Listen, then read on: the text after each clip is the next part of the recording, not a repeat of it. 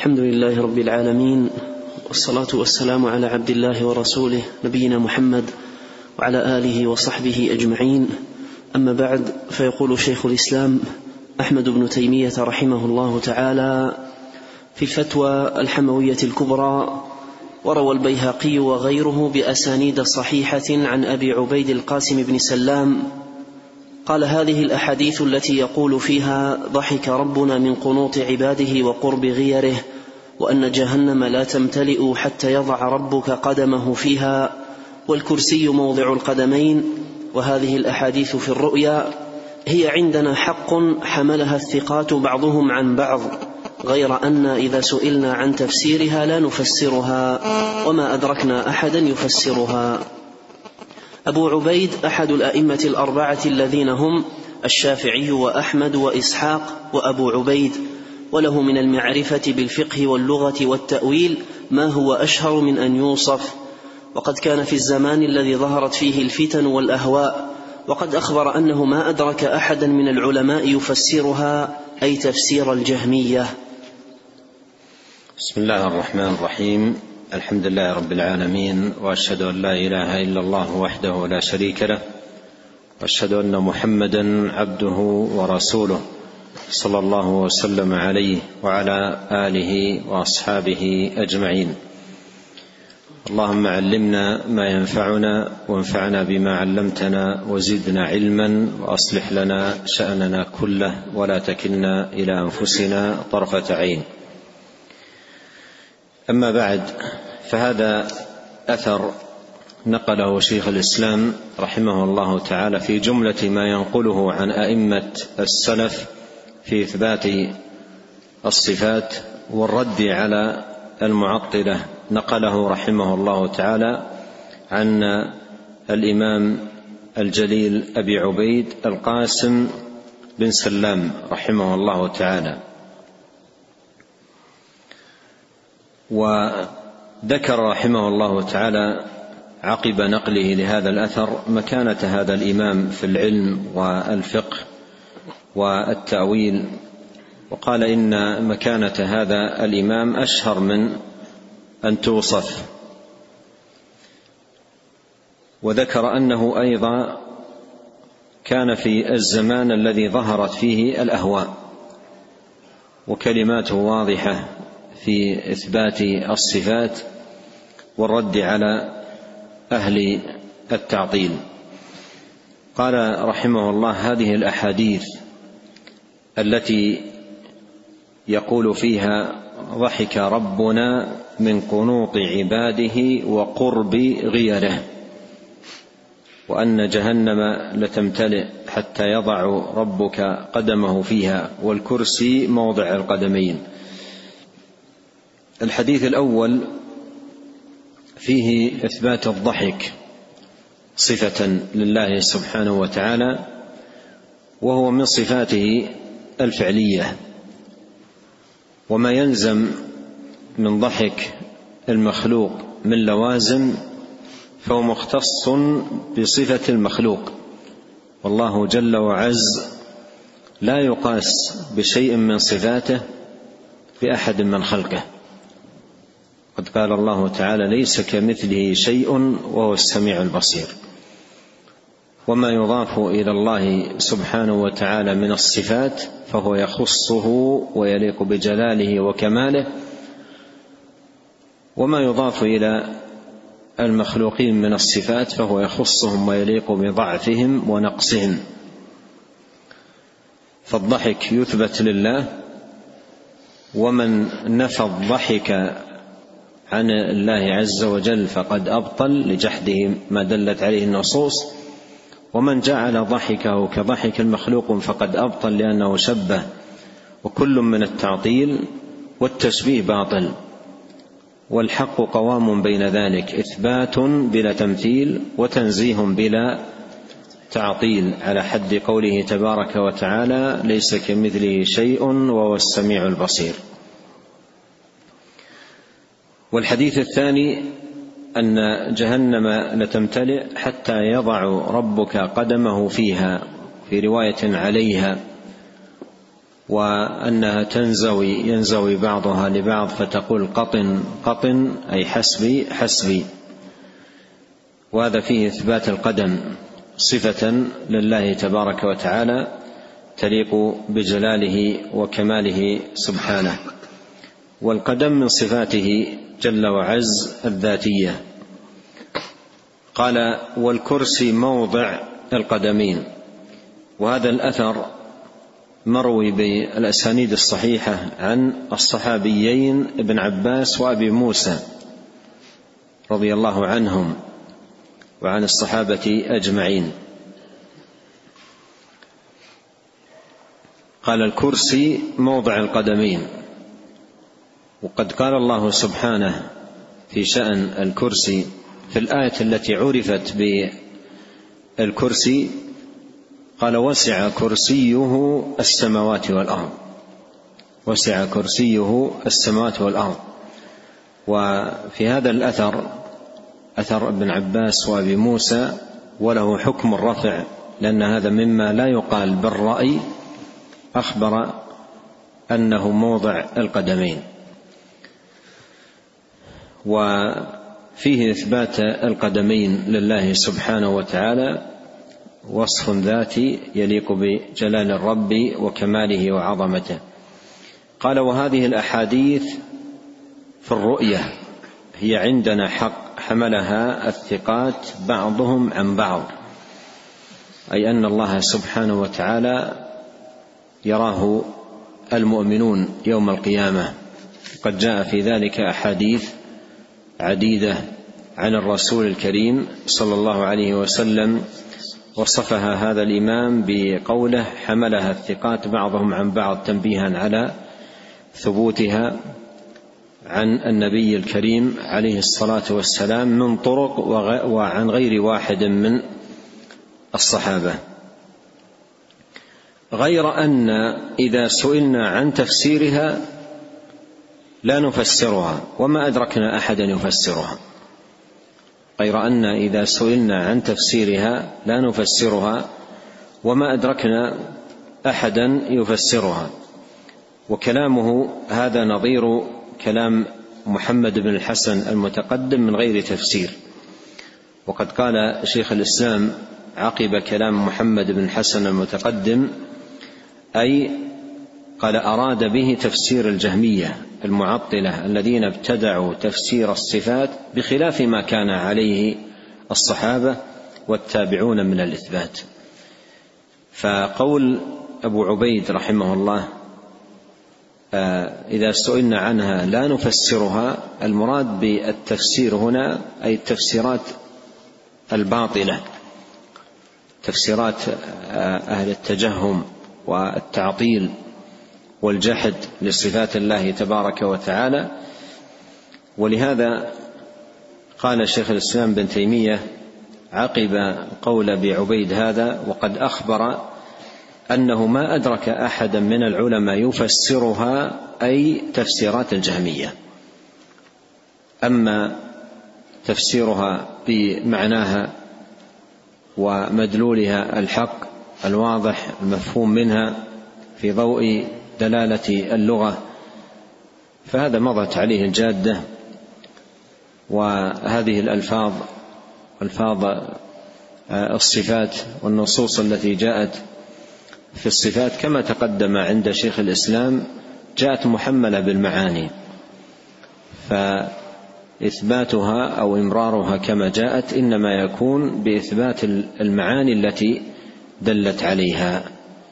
أما التفسير الباطل فهو تفسيرات الجهمية القائمة على التحريف والتعطيل والجحد لصفات الله سبحانه وتعالى. نعم. قال رحمه الله تعالى وروى اللالكائي والبيهقي عن عبد الله بن المبارك أن رجلا قال له يا أبا عبد الرحمن إني أكره الصفة عن صفة الرب. فقال له عبد الله بن المبارك أنا أشد الناس كراهة لذلك ولكن إذا نطق الكتاب بشيء قلنا به وإذا جاءت الآثار بشيء جسرنا عليه ونحو, ونحو هذا. أراد ابن المبارك أن نكره أن نبتدئ بوصف الله من ذات أنفسنا حتى يجيء به الكتاب والآثار. هذا أثر عظيم جدا نقله شيخ الإسلام عن هذا الإمام الجليل عبد الله بن المبارك رحمه الله أن رجلا وعند اللالكائي سماه أفلح بن محمد. قال له أبا عبد الرحمن إني أكره الصفة. عنا صفة الرب. عنا أي قصد. أكره الصفة عن صفة الرب. مراده بقوله أكره الصفة أكره أن أتكلم في صفات الله سبحانه وتعالى هكذا من عند نفسي. أن أتجرأ على مقام الرب العظيم سبحانه وتعالى إما مثبتا أو نافيا بدون أن أكون مستندا في ذلك على كتاب الله أو سنة نبيه عليه الصلاة والسلام. ولهذا قال شيخ الإسلام في تفسيره أراد ابن المبارك أنا أن نكره أن نبتدئ بوصف الله. أن نبتدئ بوصف الله من ذات أنفسنا حتى يجيء به الكتاب والآثار. وهذا يبين لكم مقام هؤلاء الأئمة أئمة السلف والعلماء الأولين وتعظيمهم لله سبحانه وتعالى. ها هو يقول أنا لا اجرؤ كيف كيف أستطيع أن اجرؤ أن أتكلم في شيء في وصف الله سبحانه وتعالى من قبل نفسي؟ ولا أجسر على ذلك. لا أجسر على ذلك. لولا أني رأيت آيات في القرآن وأحاديث عن الرسول عليه الصلاة والسلام الذي لا ينطق عن الهوى لما جسرت أن أتكلم في حق الله بشيء. فهذا يدل على أن المقام مقام الصفات ليس مقام المقام الهين. والخطأ في أسماء الرب سبحانه أو صفاته جل وعلا ليس كالخطأ في أي اسم أو أي صفة. الأمر ليس بالهين ولهذا ينبغي على الإنسان أن يلزم نفسه إلزاما تاما بالنصوص. مثل ما قال الأوزاعي رحمه الله ندور مع الكتاب والسنة حيث دار أي إثباتا ونفيا.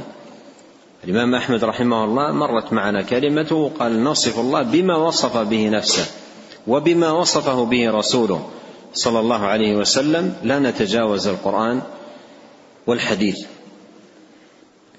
فقال يا أبا عبد الرحمن إن إني أكره الصفة عنا أي قصد صفة الرب. ومراده بأكره أي أكره الخوض في باب الصفات والتكلم عن صفات الرب هكذا ابتداء من من قبل نفسي. فقال له عبد الله بن مبارك أنا أشد الناس كراهة لذلك. ولكن إذا نطق الكتاب بشيء قلنا به وإذا جاءت الآثار بشيء جسرنا عليه ونحو ذلك. أي أن لا ننطق بشيء من الصفات ولا نجسر على أن نتكلم بشيء من صفات الله تبارك وتعالى إلا إذا ثبت. ولهذا ترى عقيدة أهل السنة والجماعة واقراها في عامة كتبهم يقول نعتقد كذا لقول الله تعالى كذا. ونعتقد كذا لقول رسول الله صلى الله عليه وسلم كذا. انتهت عقيدتهم هذه عقيدة أهل السنة. قال الله قال رسوله لا يجسر أي منهم أن يتكلم في شيء من صفات الله آه، سبحانه وتعالى دون أن يكون عنده الدليل والمستند من كلام الله وكلام رسوله. صلوات الله وسلامه وبركاته عليه. نعم.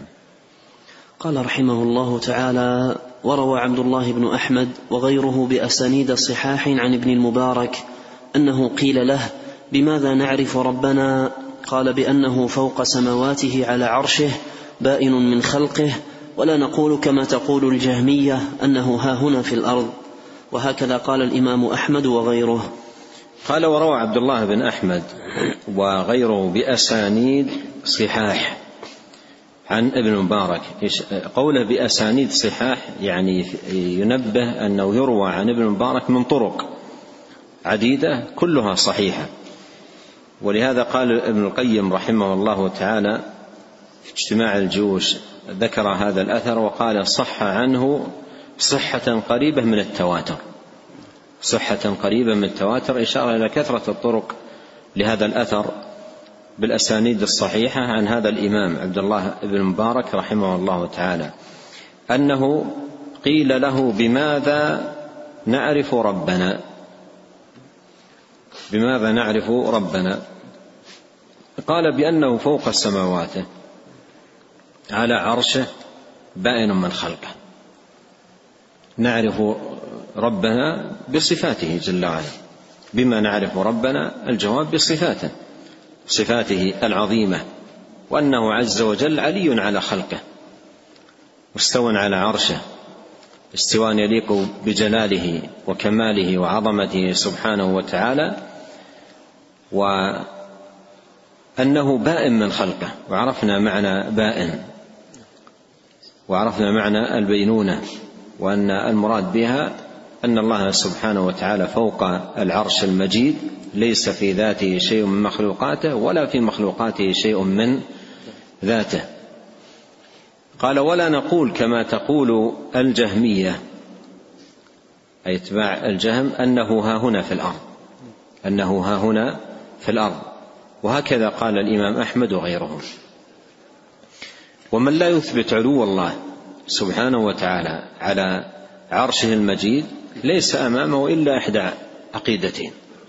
إما أن يقول كما يقول هؤلاء تعالى الله عما يقول إن أنه في كل مكان ومن ذلك ها هنا في الأرض كما يقول هؤلاء أو أنه ينفي لا فوق ولا تحت ولا داخل العالم ولا خارجه فليس أمامه إلا إحدى هاتين آه، العقيدتين. وكل منهما أشد من الأخرى في البطلان والضلال. نعم.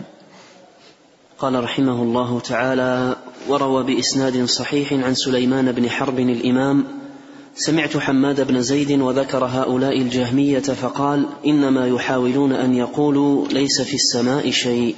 وهذا أثر آه، نقله عن حماد بن زيد رحمه الله تعالى وقد ذكر الجهمية.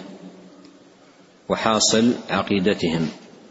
فقال إنما يحاولون أن يقولوا ليس في السماء شيء أي ليس فوق العرش إله يعبد ولا رب يصلى له ويسجد. هذا حاصل قولهم. لأن حاصل التعطيل جحد المعبود جحد المعبود سبحانه وتعالى. فهذا حاصل قول الجهمية. ونقل عن بعض أئمة السلف ولعله هو نفسه حماد بن زيد رحمه الله. نقل عنه أنه ضرب مثلا يكشف عن حال هؤلاء. قال مثل هؤلاء الجهمية مثل رجل قال في دارنا نخلة في دارنا نخلة قيل لها جذع قال لا. لها أصل قال لا. لها فروع قال لا. ذكروا له جميع صفات النخلة فنفاها. فقيل له ما في داركم نخلة؟ ما في داركم نخلة. فقال هذا مثل الجهمية. قالوا لنا رب ولما قيل ما صفته وإذا بالصفات التي يذكرونها كلها صفة للعدم لا فوق ولا تحت ولا داخل العالم ولا خارج إلى آخره. ولهذا قال السلف رحمهم الله المعطل يعبد عدما. المعطل يعبد عدما لأن هذا الذي يقولونه حاصله الجهد. وهذا معنى قول حماد بن زيد هنا رحمه الله تعالى إنما يحاولون أن يقولوا ليس في السماء شيء ليس في السماء شيء أي ليس فوق العرش إله يعبد ولا رب يصلى له ويسجد. نعم. قال رحمه الله تعالى وروى ابن أبي حاتم في كتاب الرد على الجهمية عن سعيد بن عامر الضبعي إمام أهل البصرة علما ودينا من من شيوخ أحمد أنه ذكر عنده الجهمية فقال هم شر شر قولا من اليهود والنصارى. وقد اجتمع اليهود والنصارى وأهل الأديان مع المسلمين على أن الله على العرش وقالوا هم ليس عليه شيء. وهذا الإمام سعيد بن عامر الطبعي إمام أهل البصرة رحمه الله علما ودينا ومن شيوخ الإمام أحمد رحمه الله ذكر عنده الجهمية. فقال هم شر شر قولا من اليهود والنصارى. أي في هذا الباب ما يتعلق بعلو الله سبحانه وتعالى. شر قولا من اليهود والنصارى. وقد اجتمع اليهود والنصارى وأهل الأديان مع المسلمين على أن الله على العرش. وقال هم أي هؤلاء الجهمية ليس عليه شيء. وأذكر بهذه المناسبة مناسبة هذا الأثر أنني قبل ما يقرب من عشرين سنة لقيت شابا آه، كان نصرانيا. ومن الله عليه بالإسلام حدثني هو بقصته. فيقول لما من الله علي بالإسلام أردت أن أتضلع في علم الشريعة وعلوم الإسلام. فأرشد إلى إحدى المؤسسات العلمية القائمة على علم الكلام. القائمة على علم الكلام. وقيل له إن هذا المكان من أحسن الأمكنة لتتعلم فيه. فالتحق بتلك المؤسسة وأخذ يتعلم والتقيت به وهو طالب في تلك المؤسسة. ودار بيني بينه حوار. فسألته عن ماذا يدرس في الصفات. ماذا يدرس في الصفات. فذكر أشياء ومن ضمنها عقيدة هذه العقيدة التي حذر منها السلف أن أن الله لا فوق ولا تحت ولا عن يمين. قلت ما هي الأدلة التي آه، قيلت لك في ذلك؟ فقال ما أذكر لكن يعني أدلة قوية عقلية ساقها الأستاذ في القاعة. قلت له إذا أنت تبحث عن الإسلام وتعرف مكانة القرآن ومكانة السنة. أريد فقط تسمع إلى كلام الله وكلام رسوله. عليه الصلاة والسلام. فأخذت أذكر له الآيات والأحاديث الدالة على العلو علو الله وسردت له ما يسر الله عز وجل من ذلك. ففهم الرجل. فهم وعرف. وقال لي لماذا كتم هؤلاء عنا؟ وأنا ما أردت إلا أن أتعلم آه، دين الله في كتابه وسنه نبيه عليه الصلاة والسلام. شاهد القول قصة لها لكن شاهد القول أنني سألته. قلت له قبل إسلامك إذا قيل لك أين الله فماذا تقول؟ قال في السماء. قلت إذا قيل لك أين الله ماذا تقول؟ قال في السماء. وهذه الفطرة التي فطر الله سبحانه وتعالى عباده عليها. فهذا شاهد لقوله أنهم شر من اليهود والنصارى في في هذا الباب شر منهم لأن هؤلاء يثبتون ذلك. واما الجهمية فإن عقيدتهم لا فوق ولا تحت ولا عن يمين العالم ولا عن شماله إلى آخره. نعم. قال رحمه الله تعالى وقال, وقال محمد بن إسحاق بن خزيمة إمام الأئمة من لم يقل إن الله فوق سماواته على عرشه بائن من خلقه وجب أن يستتاب فإن تاب وإلا ضربت عنقه. ثم ألقي على مزبلة لئلا يتأذى بنتن ريحه أهل القبلة ولا أهل الذمة. ذكره عنه الحاكم بإسناد صحيح. وهذا الأثر عن الإمام محمد بن إسحاق بن خزيمة إمام الأئمة صاحب كتاب التوحيد وكتاب عظيم آه، مطبوع. وقال فيه من لم يقل إن الله فوق سماواته على عرشه بائن من خلقه وجب أن يستتاب. و فإن تاب وإلا ضربت عنقه. أي أن جاحد هذه العقيدة بجحده لها فإن هذا الجحد كفر بالله عز وجل. كفر بالله عز وجل فيستتاب من هذه المقالة. أن يستتيبه ولي الأمر ويعمل على تأديبه وزجره عن ذلك فإن تاب وإلا قتل. نعم. قال رحمه الله تعالى وقد روى عبد الله بن أحمد عن عباد بن العوام الواسطي إمام أهل واسط من طبقة شيوخ الشافعي وأحمد قال كلمت بشرا المريسي وأصحاب بشر فرأيت آخر كلامهم ينتهي إلى أن يقولوا ليس في السماء شيء. ثم أورد رحمه الله تعالى هذا الأثر.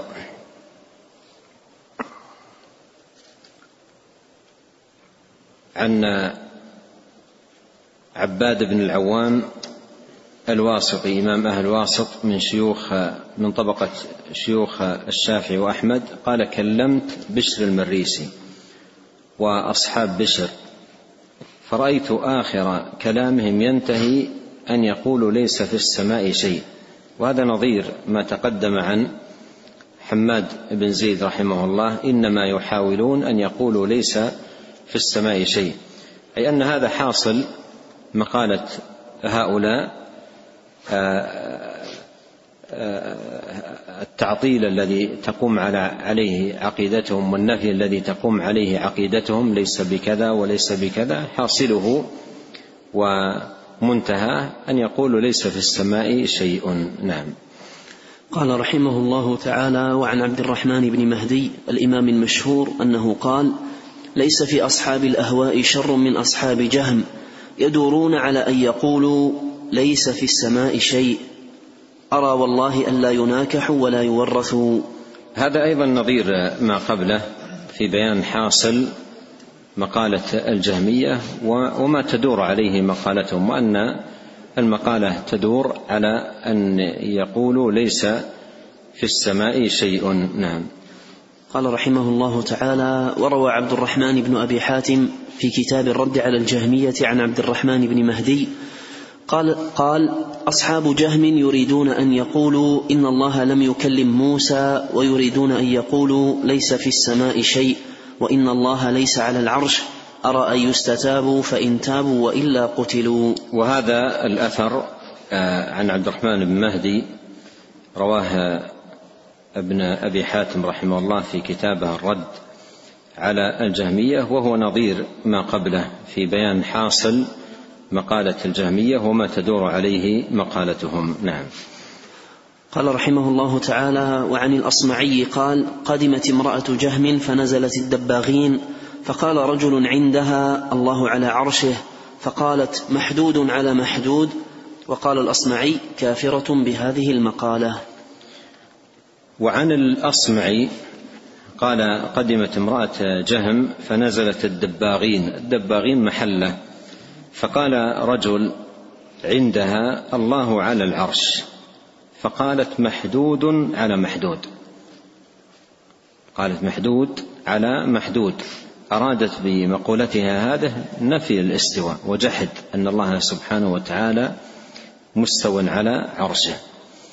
وهذه المقالة من هذه المرأة امرأة الجهم تكشف لنا سبب توغل هؤلاء الجهمية الضلال في التعطيل وأن أساس ذلك هو وقوعهم في التشبيه وفهمهم للصفات صفات الله تبارك وتعالى بفهم قاسوا فيه الله سبحانه وتعالى على خلقه.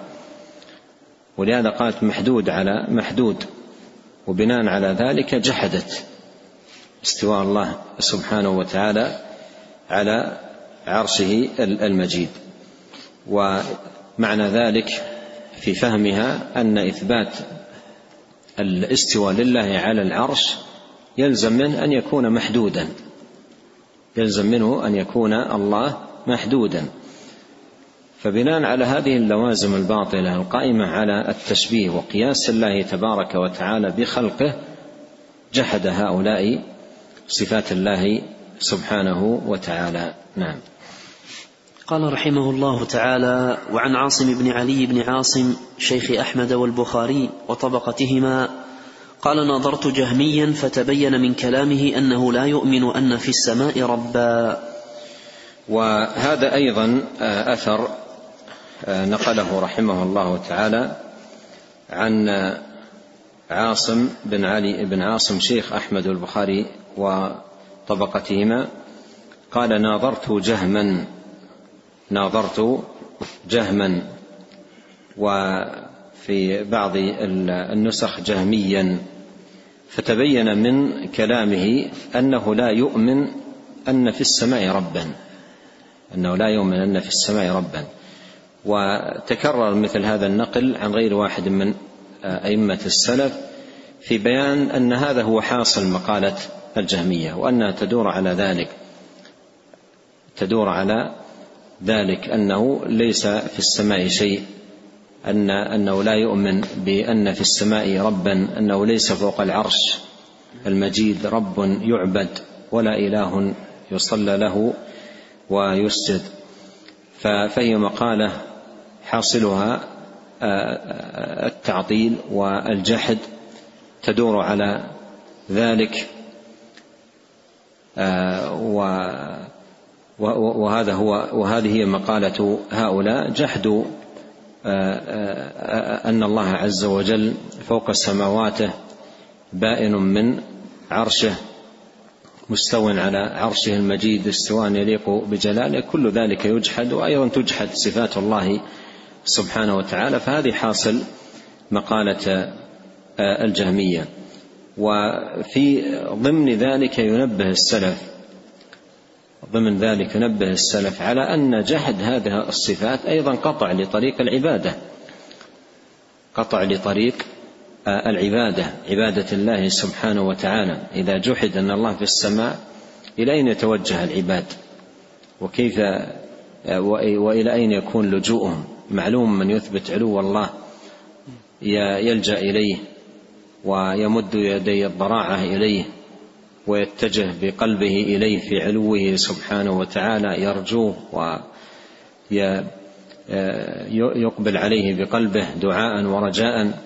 أما على مقالة الجامية فهذا فيه قطع أيضا لطريق العبادة والإقبال على الله سبحانه وتعالى بالطاعة. ونسأل الله عز وجل لنا أجمعين التوفيق والسداد والعون على كل خير وأن يمن علينا بالعلم النافع والعمل الصالح وأن يهدينا إليه صراطا مستقيما وأن يغفر لنا ولوالدينا ولمشايخنا وللمسلمين والمسلمات والمؤمنين والمؤمنات الأحياء منهم والأموات. اللهم آت نفوسنا تقواها وزكها أنت خير من زكاها. أنت وليها ومولاها. اللهم إنا نسألك الهدى والتقى والعفاف والغنى. اللهم اشرح صدورنا ويسر أمورنا يا رب العالمين. اللهم اقسم لنا من خشيتك ما يحول بيننا وبين معاصيك ومن طاعتك ما تبلغنا به جنتك. ومن اليقين ما تهون به علينا مصائب الدنيا. اللهم متعنا بأسماعنا وأبصارنا وقوتنا ما أحييتنا واجعله الوارث منا واجعل ثأرنا على من ظلمنا وانصرنا على من عادانا ولا تجعل مصيبتنا في ديننا ولا تجعل الدنيا أكبر همنا ولا مبلغ علمنا ولا تسلط علينا من لا يرحمنا. سبحانك اللهم وبحمدك أشهد أن لا إله إلا أنت أستغفرك وأتوب إليك. اللهم صل وسلم على عبدك ورسولك نبينا محمد وآله وصحبه أجمعين. جزاكم الله خيرا.